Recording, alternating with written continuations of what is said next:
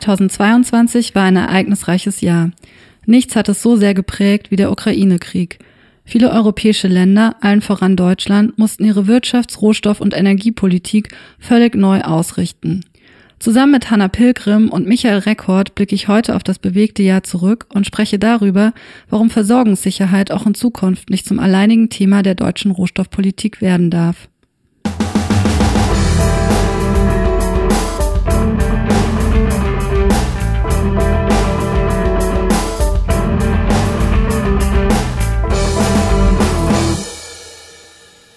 Hallo, herzlich willkommen bei Kompass Weltwirtschaft, dem Podcast von PowerShift.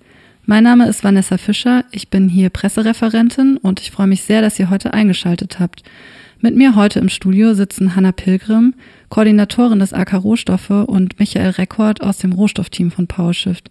Hallo ihr beiden. Hallo, danke für die Einladung. Hallo auch von meiner Seite. Ja, schön, dass ihr hier seid. Das Jahr ist fast zu Ende. 2022 ist ziemlich viel passiert, auch rohstoffpolitisch. Was hat euch denn am meisten geprägt? Sicherlich hat der russische Angriff auf die Ukraine ähm, alles überlagert. Der hat an verschiedenen Ebenen die Verletzbarkeit Europas aufgezeigt. Ähm, sei es sicherheitspolitisch, ähm, sei es, dass der Krieg nach den Kriegen im Balkan auch in Europa noch möglich ist, oder sei es, dass es dass aufgezeigt wurde, wie abhängig wir bei Energie, aber auch bei metallischen Rohstoffen von Russland eigentlich sind. Hm, und für dich, Hannah? Auch wenn es an vielen Stellen erfreulich war, wie viel Solidarität zum Beispiel den geflüchteten Menschen aus der Ukraine entgegengebracht wurde, hat der russische Angriff allerdings auch die Diskussion um die Versorgungssicherheit nochmal verschärft. In den letzten Jahren gab es eigentlich gewisse Zugeständnisse im Bereich Menschenrechte und Umweltschutz, aber jetzt beobachten wir bei nahezu allen Parteien, dass das Argument der Versorgungssicherheit der deutschen Industrie wieder in den politischen Fokus gerückt wurde. Und dabei wird vergessen, dass wir aufgrund unseres hohen Ver- und Gebrauchs weiterhin abhängig bleiben werden. Das zeigte zum Beispiel auch der Besuch vor wenigen Wochen im Bundestag. Ich war als Sachverständige eingeladen, im Wirtschaftsausschuss zum Thema der Rohstoffsicherheit zu sprechen. Und eigentlich von CDU, CSU-Fraktion bis zu den Grünen lag der Fokus auf der nationalen Versorgung von Rohstoffen. Selbst Kreislaufwirtschaft wurde nur marginal behandelt und eine internationale Perspektive, die auch die Auswirkungen in den Abbaugebieten thematisiert, fehlte eigentlich nicht gänzlich. Das heißt, wir verlagern weiterhin die Probleme in die Zukunft, übergeben sie an die nächsten Generationen und Menschen andernorts und verstetigen damit die Abhängigkeiten. Das, was Hanna auf deutscher Ebene beschreibt, stimmt eigentlich auch auf europäischer Ebene. Ähm, aktuell wird zum Beispiel an dem Critical Raw Materials Act gearbeitet von der Europäischen Kommission. Und ähm, dieser soll voraussichtlich im März 2023 präsentiert werden. Und auch in ihm wird es vor allen Dingen um die Versorgungssicherheit gehen. Das heißt, die Versorgungssicherheit für die Industrie. Und auch hier wird im Grunde völlig vergessen, den hohen Verbrauch der EU zu thematisieren. Und äh, ja, im Grunde drohen dieselben Fehler, wie wir sie auch in Deutschland sehen. Ja, darüber haben Hanna und ich auch in Podcast Folge 32 gesprochen. Kommissionspräsidentin Ursula von der Leyen hatte im September in einer Rede vor dem EU-Parlament den von dir gerade angesprochenen Critical Raw Materials Act angekündigt, mit dem Verweis darauf, dass die EU für die grüne Transformation in der Zukunft enorm viele Rohstoffe brauchen wird. Wenn ihr euch dafür interessiert, was PowerShift dazu sagt, dann hört doch gerne in diese Folge rein. Jetzt aber zurück ins Studio, Micha. naja, zum, zum Thema Versorgungssicherheit und Ukraine ist eigentlich auch interessant, dass es zumindest einen gewissen zeitlichen Zusammenhang gibt zwischen einer Rohstoffpartnerschaft, einem Critical Raw Materials Partnership der EU und der Ukraine auf der einen Seite, die ist im Juli 2021 abgeschlossen worden, und dem russischen Angriff dann im Februar 2022. Wie meinst du das? Na, die ersten russischen Raketen schlugen im Februar auch in den rohstoffreichen Regionen ein. Das heißt, auch die Rohstoffinfrastruktur wurde angegriffen. In der Ukraine sind zum Beispiel große Vorkommen von Lithium äh, werden erwartet. Einige Expertinnen, ähm, wie zum Beispiel die Politikwissenschaftlerin Olivia Lazar, hat erst kürzlich in der Zeit das auch nochmal in Zusammenhang gebracht. Denn die Unabhängigkeit von russischen fossilen Rohstoffen und auch russischen metallischen Rohstoffen ähm, von der EU, indem sie zum Beispiel die Ukraine als Partner stärker gewinnt, gefährdet natürlich das russische Exportmodell mit günstigen Rohstoffen. Und dass durch den Angriff diese Unabhängigkeit ähm, ja, torpediert wurde, ist ein gewisser Sarkasmus der Geschichte. Hm, ja, das ist wirklich zynisch. Sprechen wir mal über was Positiveres. Wenn ihr zurückblickt, was war denn 2022 euer politisches Highlight? Ja, sicherlich die alternative Rohstoffwoche und den Rohstoffgipfel, den wir ausgerufen haben im Oktober.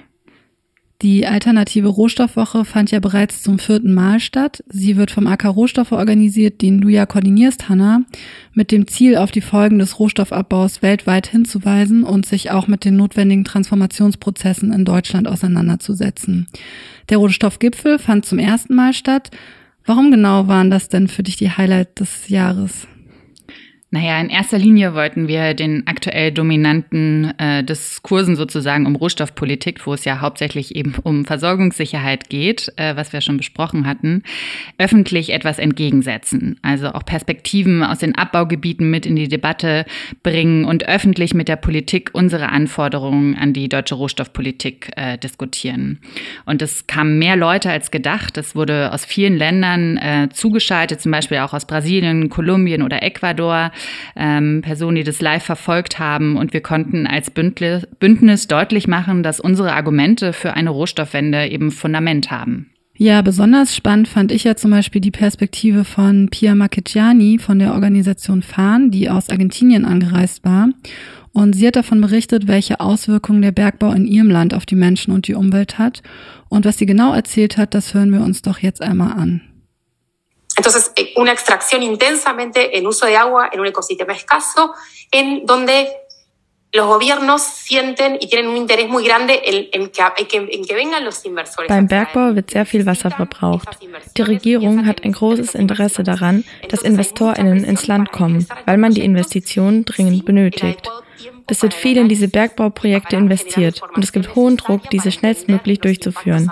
Daher gibt es nicht genug Zeit, um vorher Studien durchzuführen, die zeigen, welche Auswirkungen der Bergbau auf die Umwelt hat. Es gibt keine Planung, beispielsweise hinsichtlich des überhöhten Wasserkonsums und Studien darüber, wie sich Bergbauprojekte auf ein Gebiet auswirkt, wo das Wasser ohnehin schon knapp ist. Es gibt keine Nachhaltigkeitsfolgenabschätzungen und wo es sie gibt, ist die Information unzureichend. Es gibt beispielsweise einige Mikroorganismen, die Stromatoliten, die CO2 einfangen und Sauerstoff freigeben. Diese Mikroorganismen leben in einigen dieser Salzwüsten. Wir wissen nicht genau wie viele, aber wir wissen, dass sie genau das machen, was wir als Gesellschaft versuchen, um den Klimawandel aufzuhalten. Die indigenen Gemeinden, die politisch, ökonomisch und kulturell auf das Wasser angewiesen sind, werden nicht befragt. Es gibt bereits zwei Projekte, die in der Ausführung sind. Eines ist bereits 1997 aktiv und da sehen wir jetzt die Folgen, beispielsweise dass sowohl unterirdische Wasserläufe als auch Flüsse austrocknen. Ebenso haben diese Projekte Auswirkungen auf die Tier- und Pflanzenwelt. Der globale Wettbewerb führt dazu, dass die Regierungen versuchen, jegliche Investitionen anzulocken, ohne dabei Zeit einzuplanen, um die Auswirkungen abzuschätzen und untersuchen zu können. Und es gibt auch nicht genug Zeit, um die freie, vorherige und informierte Zustimmung der lokalen indigenen Bevölkerung einzuholen. Der globale Markt ist zu schnell, um den Ansprüchen an eine vernünftige Planung dieser Projekte gerecht zu werden. Eso como el primer punto, el mercado global marcando una velocidad que es totalmente eh, demasiada para lo que se quiere y lo que se necesita para un buen proceso de, de extracción y de planificación. Das Tempo, in dem diese neuen Bergbauprojekte verwirklicht werden, ist also oft so schnell, dass die negativen Auswirkungen erst im Nachhinein deutlich werden. Und Pia Marchegiani spricht hier auch darüber, dass diese Bergbauprojekte oft ohne die vorherige und informierte Zustimmung der indigenen Bevölkerung durchgeführt werden. Es gibt inzwischen ein internationales Übereinkommen, eine ILO-Konvention, die das eigentlich verhindern soll, die also sicherstellen soll, dass indigene Völker in Entscheidungen, ob in ihrer Region Bergbau stattfindet, mit einbezogen werden. Was hat es damit genau auf sich und funktioniert das auch, Hannah? Ja, genau. Also Deutschland hat im vergangenen Jahr die ILO-Konvention 169 ratifiziert und sich damit eigentlich verpflichtet, in sogenannten Partnerländern für die Rechte indigener Völker sich einzusetzen. Und seit äh, Juni diesen Jahres muss sie in Deutschland eigentlich Anwendung finden. Das ist natürlich eine sehr große Aufgabe, aber wir vom Arbeitskreis fordern deshalb, dass das ressortübergreifend passieren muss. Also nicht, das ist nicht nur eine Aufgabe vom Bundesentwicklungsministerium, sondern zum Beispiel bei jeglichen Hand Verhandlungen, die aus Deutschland rausgehen, ob es Handelsabkommen sind, ob es Außenwirtschaftsförderung ist, muss äh, sozusagen diese ILO-Konvention forciert werden und umgesetzt werden. Äh, welche Wirkung sie quasi wirklich hat, das wird die Zukunft zeigen. Hm, hoffen wir, dass das in Zukunft dann tatsächlich umgesetzt wird. Ihr vom AK Rohstoffe bleibt da ja sicher dran. Neben den Umweltauswirkungen und den Auswirkungen auf die indigene Bevölkerung hat Pia beim Rohstoffgipfel auch noch über weitere Folgen des massiven Rohstoffabbaus in ihrer Heimat gesprochen. Und zwar hat sie dazu Folgendes gesagt. El segundo punto, las consecuencias socioeconómicas de la extracción. ¿Qué pasa en otro ámbito de asimetrías? Profundización de impactos económicos y dependencias. Der zweite Punkt, die sozioökonomischen Folgen des Bergbaus. Der Rohstoffabbau führt nämlich auch zu einer starken wirtschaftlichen Abhängigkeit und Asymmetrie. Argentinien ist stark verschuldet. Es hat allein mit dem Internationalen Währungsfonds Schulden, die sich auf 82 Prozent des Bruttoinlandsprodukts belaufen. Und diese Situation bedingt alle mittel- und langfristigen Planungen. Die argentinische Regierung versucht verzweifelt, die Grenzen des Extraktivismus auszuweiten sei es in der Landwirtschaft, bei fossilen Brennstoffen, Offshore-Projekten, Fracking und beim Bergbau. Sie konzentriert sich darauf, Investitionen in diesen Bereichen anzulocken, um die Schulden und Zinsen abzubezahlen. Das führt allerdings dazu, dass sich Argentiniens Wirtschaft nicht diversifizieren kann und die Energiewende im eigenen Land nicht angeht. Die argentinische Energieversorgung hängt hauptsächlich von fossilen Brennstoffen ab. Letztendlich geben wir unsere Ressourcen an den Weltmarkt ab und nutzen sie nicht für den Ausbau der eigenen erneuerbaren Energieproduktion. Heute ist Argentinien der viertgrößte Lithiumproduzent der Welt, aber die Weiterverarbeitung und somit auch die Wertschöpfung findet in anderen Ländern statt. Das Lithium, das Argentinien produziert, wird exportiert. Es gibt Anstrengungen, die Technologie zu entwickeln, um Batterien in Argentinien herzustellen. Die Versuche sind aber bislang nicht wettbewerbsfähig. Das ist ein Paradox. no a, nivel competitivo, a nivel global, como para llegar con la última tecnología, pero sí algunos esfuerzos que no son eh, para nada desechables de generar algunas celdas de batería en el propio país, hoy no tiene su propio litio. Entonces se dan estas paradojas también. Der Bergbau, auf den Argentinien wegen der hohen Staatsverschuldung angewiesen ist, führt also einerseits zu Umweltverschmutzung und Konflikten innerhalb des Landes, reproduziert und verstärkt darüber hinaus aber auch globale Asymmetrien und Ungerechtigkeiten. Das war auf jeden Fall eine sehr spannende und wichtige Perspektive und ich bin sehr froh, dass diese Stimmen aus dem globalen Süden beim Rohstoffgipfel eine so zentrale Rolle gespielt haben. Es waren aber auch noch ganz andere Stimmen und Perspektiven vertreten. Hanna, du saßt ja mit Franziska Brandner, der grünen Staatssekretärin im BMWK auf einem Podium. Ihr wart euch natürlich nicht in allen Punkten einig. Gab es etwas, das dir besonders aufgefallen ist? Was mir aufgefallen ist, dass sie zum Beispiel auch über Wertschöpfung vor Ort gesprochen hat. Hm. Wir hören einfach noch mal rein, was sie dazu genau gesagt hat in den Bereichen werden wir mehr Primärrohstoffe brauchen. Und dann ist die Frage, wo und wie her. Und wir finden, dass wir bei uns in Europa gucken können, aber auch in anderen Ländern dieser Welt Partnerschaften eingehen können. Und ähm, was uns da wichtig ist, ist, dass eben wir nicht nur über den Export direkt der Primärrohstoffe nachdenken, sondern auch über Weiterverarbeitung vor Ort, damit mehr Wertschöpfung in den Ländern bleibt. Und das ist das, was ich in Argentinien, Chile, aber es auch mit der Mongolei, überall ist es ganz klar, dass der Anspruch, und den finde ich sehr berechtigt ist, wir wollen Teil der Wertschöpfungsketten sein und mehr Wertschöpfung bei uns vor Ort haben. Und ich versuche das bei uns überall hinzubekommen, dass wir dort auch aufbauen, dass wir sagen, wenn wir mit Unternehmen reingehen, wir machen auch noch den nächsten Schritt. Wir machen nicht nur den reinen Abbau ähm, sondern wir schaffen Wertschöpfung vor Ort. Und wenn wir Abbau machen, dann auf den höchsten technologischen Umwelt- und Wasser- und Klimastandards, die wir haben. Das klingt erstmal gut. Sie stellt das natürlich auch sehr positiv dar. Dem eigentlichen Problem, dass unser Primärrohstoff hier im globalen Norden aber eigentlich viel zu hoch ist, ist damit aber noch nicht wirklich geholfen. Natürlich ist Wertschöpfung vor Ort wichtig. Das hat ja zum Beispiel auch Pia Marcheciani aus Argentinien gefordert. Wie realistisch schätzt ihr das denn ein, dass das auch wirklich passiert, was Brandner da jetzt verspricht? Und seht ihr dabei vielleicht auch noch andere Probleme? Naja, erstmal ist es positiv zu bewerten oder zu begrüßen, dass sie das äußert. Ähm, das ist eine von vielen Forderungen, die schon sehr lange auch von äh, Rohstoffabbauregionen auch gestellt werden. Also das heißt nicht nur als Exporteur billiger Rohstoffe aufzutreten und dann auch noch die negativen Auswirkungen des Bergbaus zu tragen, sondern wirklich auch Teil der Wertschöpfung zu sein. Gleichzeitig muss man aber auch sagen, dass dadurch natürlich das Risiko steigt, dass berechtigte Proteste gegen neue oder bestehende Bergbauprojekte noch viel schwieriger werden oder auch delegitimiert werden. Ähm, also das heißt, die weitere deutsche Rohstoffpolitik messen wir daran, inwiefern die von Frau Brandner genannten Bestrebungen auch wirklich positive Wirkungen in den Regionen zeigen. Okay, das wäre natürlich auch kontraproduktiv. Wertschöpfung hin oder her, ich hatte es eben schon angesprochen, es muss sich natürlich langfristig auch was an unserem hohen Verbrauch ändern. Eine Möglichkeit, nachhaltiger mit Ressourcen umzugehen, ist Recycling, beziehungsweise noch besser wäre natürlich eine Kreislaufwirtschaft, bei der dann der Rohstoff nur einmal abgebaut und dann immer wieder verwendet wird.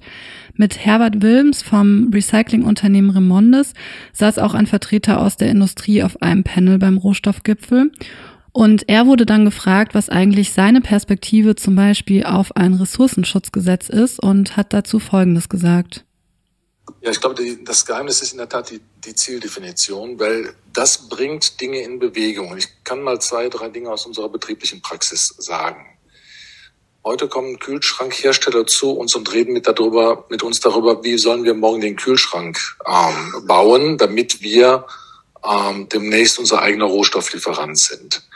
Ähm, wir sitzen mit unserem Hauptsitz in Nordrhein-Westfalen. Da gibt es ThyssenKrupp, das ist ein großer Stahlhersteller, der jetzt dazu verdonnert ist, dass auch er mit 2045 CO2-neutral sein wird.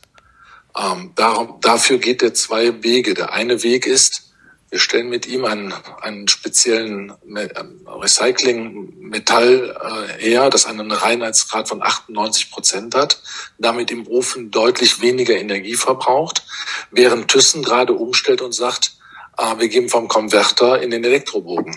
Weil da wird nachher über Wasserstoff, wenn wir denn am Ende mal bei einem klimaneutralen Wasserstoff sind, da wird der Treiber, da wird da wird's, wird's dann hingehen. Der Treiber davon ist der CO2-Preis die wissen, wie der CO2-Preis bei ihnen steigen wird. Und sie wissen, wenn sie das in Geld umrechnen, weil im real existierenden Kapitalismus treibt natürlich das Geld, nicht klar. Aber sie wissen genau, dass sie entweder das schaffen, diesen Wandel hinzubekommen, oder es sie einfach am Markt nicht mehr geben wird. Das wollen sie nicht. Ein weiteres großes Thema ist das Thema Kabelaufbereitung. Das machen wir mit Aurobis zusammen. Aurobis ist einer der Kupferhersteller, der auf der einen Seite Primärkupfer verwendet, aber zunehmend mehr Recyclingkupfer. Und wir haben eine gemeinsame Anlage gebaut, mit der wir äh, Kabel äh, recyceln. Und ähm, der, der CO2-Einspeifeffekt gegenüber dem Primärrohstoff ist 85 Prozent. Damit sind wir immer noch nicht auf Null. Aber was, was da geht, sind die Schritte, die wir, die, die man jetzt schon zusammen gehen kann. Die Industrie denkt da so auch in, in größeren Schritten nach vorne. Aber in der Tat, sie braucht ein Ziel und sie braucht, sie braucht einen Treiber. Und der Treiber, das ist halt so, der, der muss ähm, über eine finanzielle Steuerung kommen. Ich muss das, was ich erreichen will, finanziell anreichen, erreichern. Also der, der ein Produkt so herstellt, dass es recycelbar ist, Design for Recycle, Recycling und viele Rohstoffe einsetzt, äh, viele Recycling-Rohstoffe einsetzt, der muss im Markt einfach besser gestellt werden als derjenige, der das nicht tut. Dafür gibt es Möglichkeiten. Und dann entwickelt sich die Gesellschaft und die Produktion auch in die Richtung. Wir kennen das im, äh, im, im, im Verpackungsgesetz. Da gibt es den Anreiz, dass derjenige, der die Verpackung ähm, so gestaltet, dass man sie tatsächlich und nicht nur mit solchen Fakes äh, recyceln äh, kann und der viele Recycling-Rohstoffe einsetzt, dass der weniger Lizenzentgelt an die dualen Systeme bezahlen soll als derjenige, der das nicht tut. Also die Idee ist im Raum, man kann die auch auf andere, auf andere Bereiche und auf andere Märkte übertragen. Also was wir brauchen, sind die richtigen Anreize, das Verteuern dessen, was wir nicht wollen und das Besserstellen desjenigen, was wir wollen. Spannend, dass selbst die Industrie für einen Gesetzesrahmen beziehungsweise eine finanzielle Steuerung ist hin zu mehr Recycling. Herbert Wilms nennt es das Verteuern dessen, was wir nicht wollen, das Besserstellen desjenigen, was wir wollen. War das für euch überraschend? Na, im Grunde muss man sagen, trifft Herbert Wilms hier den zentralen Punkt. Ähm, denn wie kann es sein, dass wir uns den Luxus leisten, massenhaft seltene kritische Rohstoffe wegzuschmeißen? Im Grunde müssen wir weg von einer linearen Produktnutzung und Produktion hin zu einer zirkulären und das sehr, sehr schnell. Daher freut es mich, dass dies auch in der Industrie und in den Industrieverbänden, ich meine, Herbert Wilms ist gerade auch Vorsitzender des BDI-Ausschusses Rohstoffe, äh, angekommen ist und gleichzeitig muss man natürlich auch einräumen, dass Herr Wilms äh, Geschäftsführer der Remondes-Gruppe ist und da natürlich ähm, ja das Geschäftsmodell von der Kreislaufführung äh, von Rohstoffen lebt. Schwieriger wird es wahrscheinlich in all die Unternehmen hineinzubringen, die ihre Geschäftsmodelle grundlegend verändern müssten und sozusagen noch bei weitem nicht zirkulär denken. Ja, es gibt also in den nächsten Jahren noch einiges zu tun. Das war der Rohstoffgipfel. Was waren denn für euch sonst noch Highlights in diesem Jahr? Ich glaube, mein Highlight war auf jeden Fall ähm, die Studie zusammen mit Genilia und Henrik Metalle für die Energiewende, ähm, gerade weil die Erkenntnisse an einigen Stellen auch für uns überraschend waren. Auch darüber habe ich im letzten Podcast mit Hendrik gesprochen. Wenn euch das interessiert, dann hört da doch mal rein. Was ich damals besonders schockierend fand, ist die Tatsache, dass allein die Batterien von Volkswagen im Jahr 2030 achtmal mehr Aluminium und Nickel brauchen werden, wie der gesamte Zubau von Windkraftanlagen bis 2030, also innerhalb von acht Jahren. Ja, definitiv. Das war sozusagen für mich auch das Überraschendste. Ich meine, die absoluten Zahlen für den Ausbau von Windkraft oder auch PV sehen gigantisch aus. Aber der große Diskurs ist ja, wir brauchen Bergbau, um die Energiewende zu schaffen. Und wenn wir uns das im Detail angucken, dann ist sozusagen die Energiewende beziehungsweise der Ausbau von Wind und PV gar nicht mehr der ganz große Treiber. Und da müssen wir genauer hinsehen und im Grunde eine Versachlichung der Debatte ähm, anregen. Und das haben wir mit dieser Publikation versucht und ähm, bekommen im Grunde auch sehr viel Feedback. Wir haben zuletzt viele Einladungen von verschiedenen Umweltverbänden, von JournalistInnen bekommen, um über diese Zusammenhänge zu sprechen. Hanna, du arbeitest ja zur Rohstoffstrategie. Das ist sozusagen das Rahmenprogramm der Bundesregierung, wenn es darum geht, die Rohstoffversorgung der deutschen Industrie zu sichern. Inwiefern sind solche Studien, wie Micha sie jetzt gemacht hat, denn für deine Arbeit wichtig? Ja, absolut wichtig. Wir brauchen mehr solche Studien, um die Debatten mit Know-how zu unterfüttern. Einzelbeispiele, aber auch Fragen der Reduktion oder wie wir eine bessere Kreislaufwirtschaft erzielen, sind super hilfreich. Ähm, ehrlich gesagt bräuchte es weniger die 25. Studie zum Lithiumabbau in Lateinamerika, sondern nochmal praktischere ähm, Thematiken und Fragestellungen. Also woran zum Beispiel scheitert es, dass wir mehr Metalle recyceln und an welchen Stellen wir den Verbrauch drosseln könnten.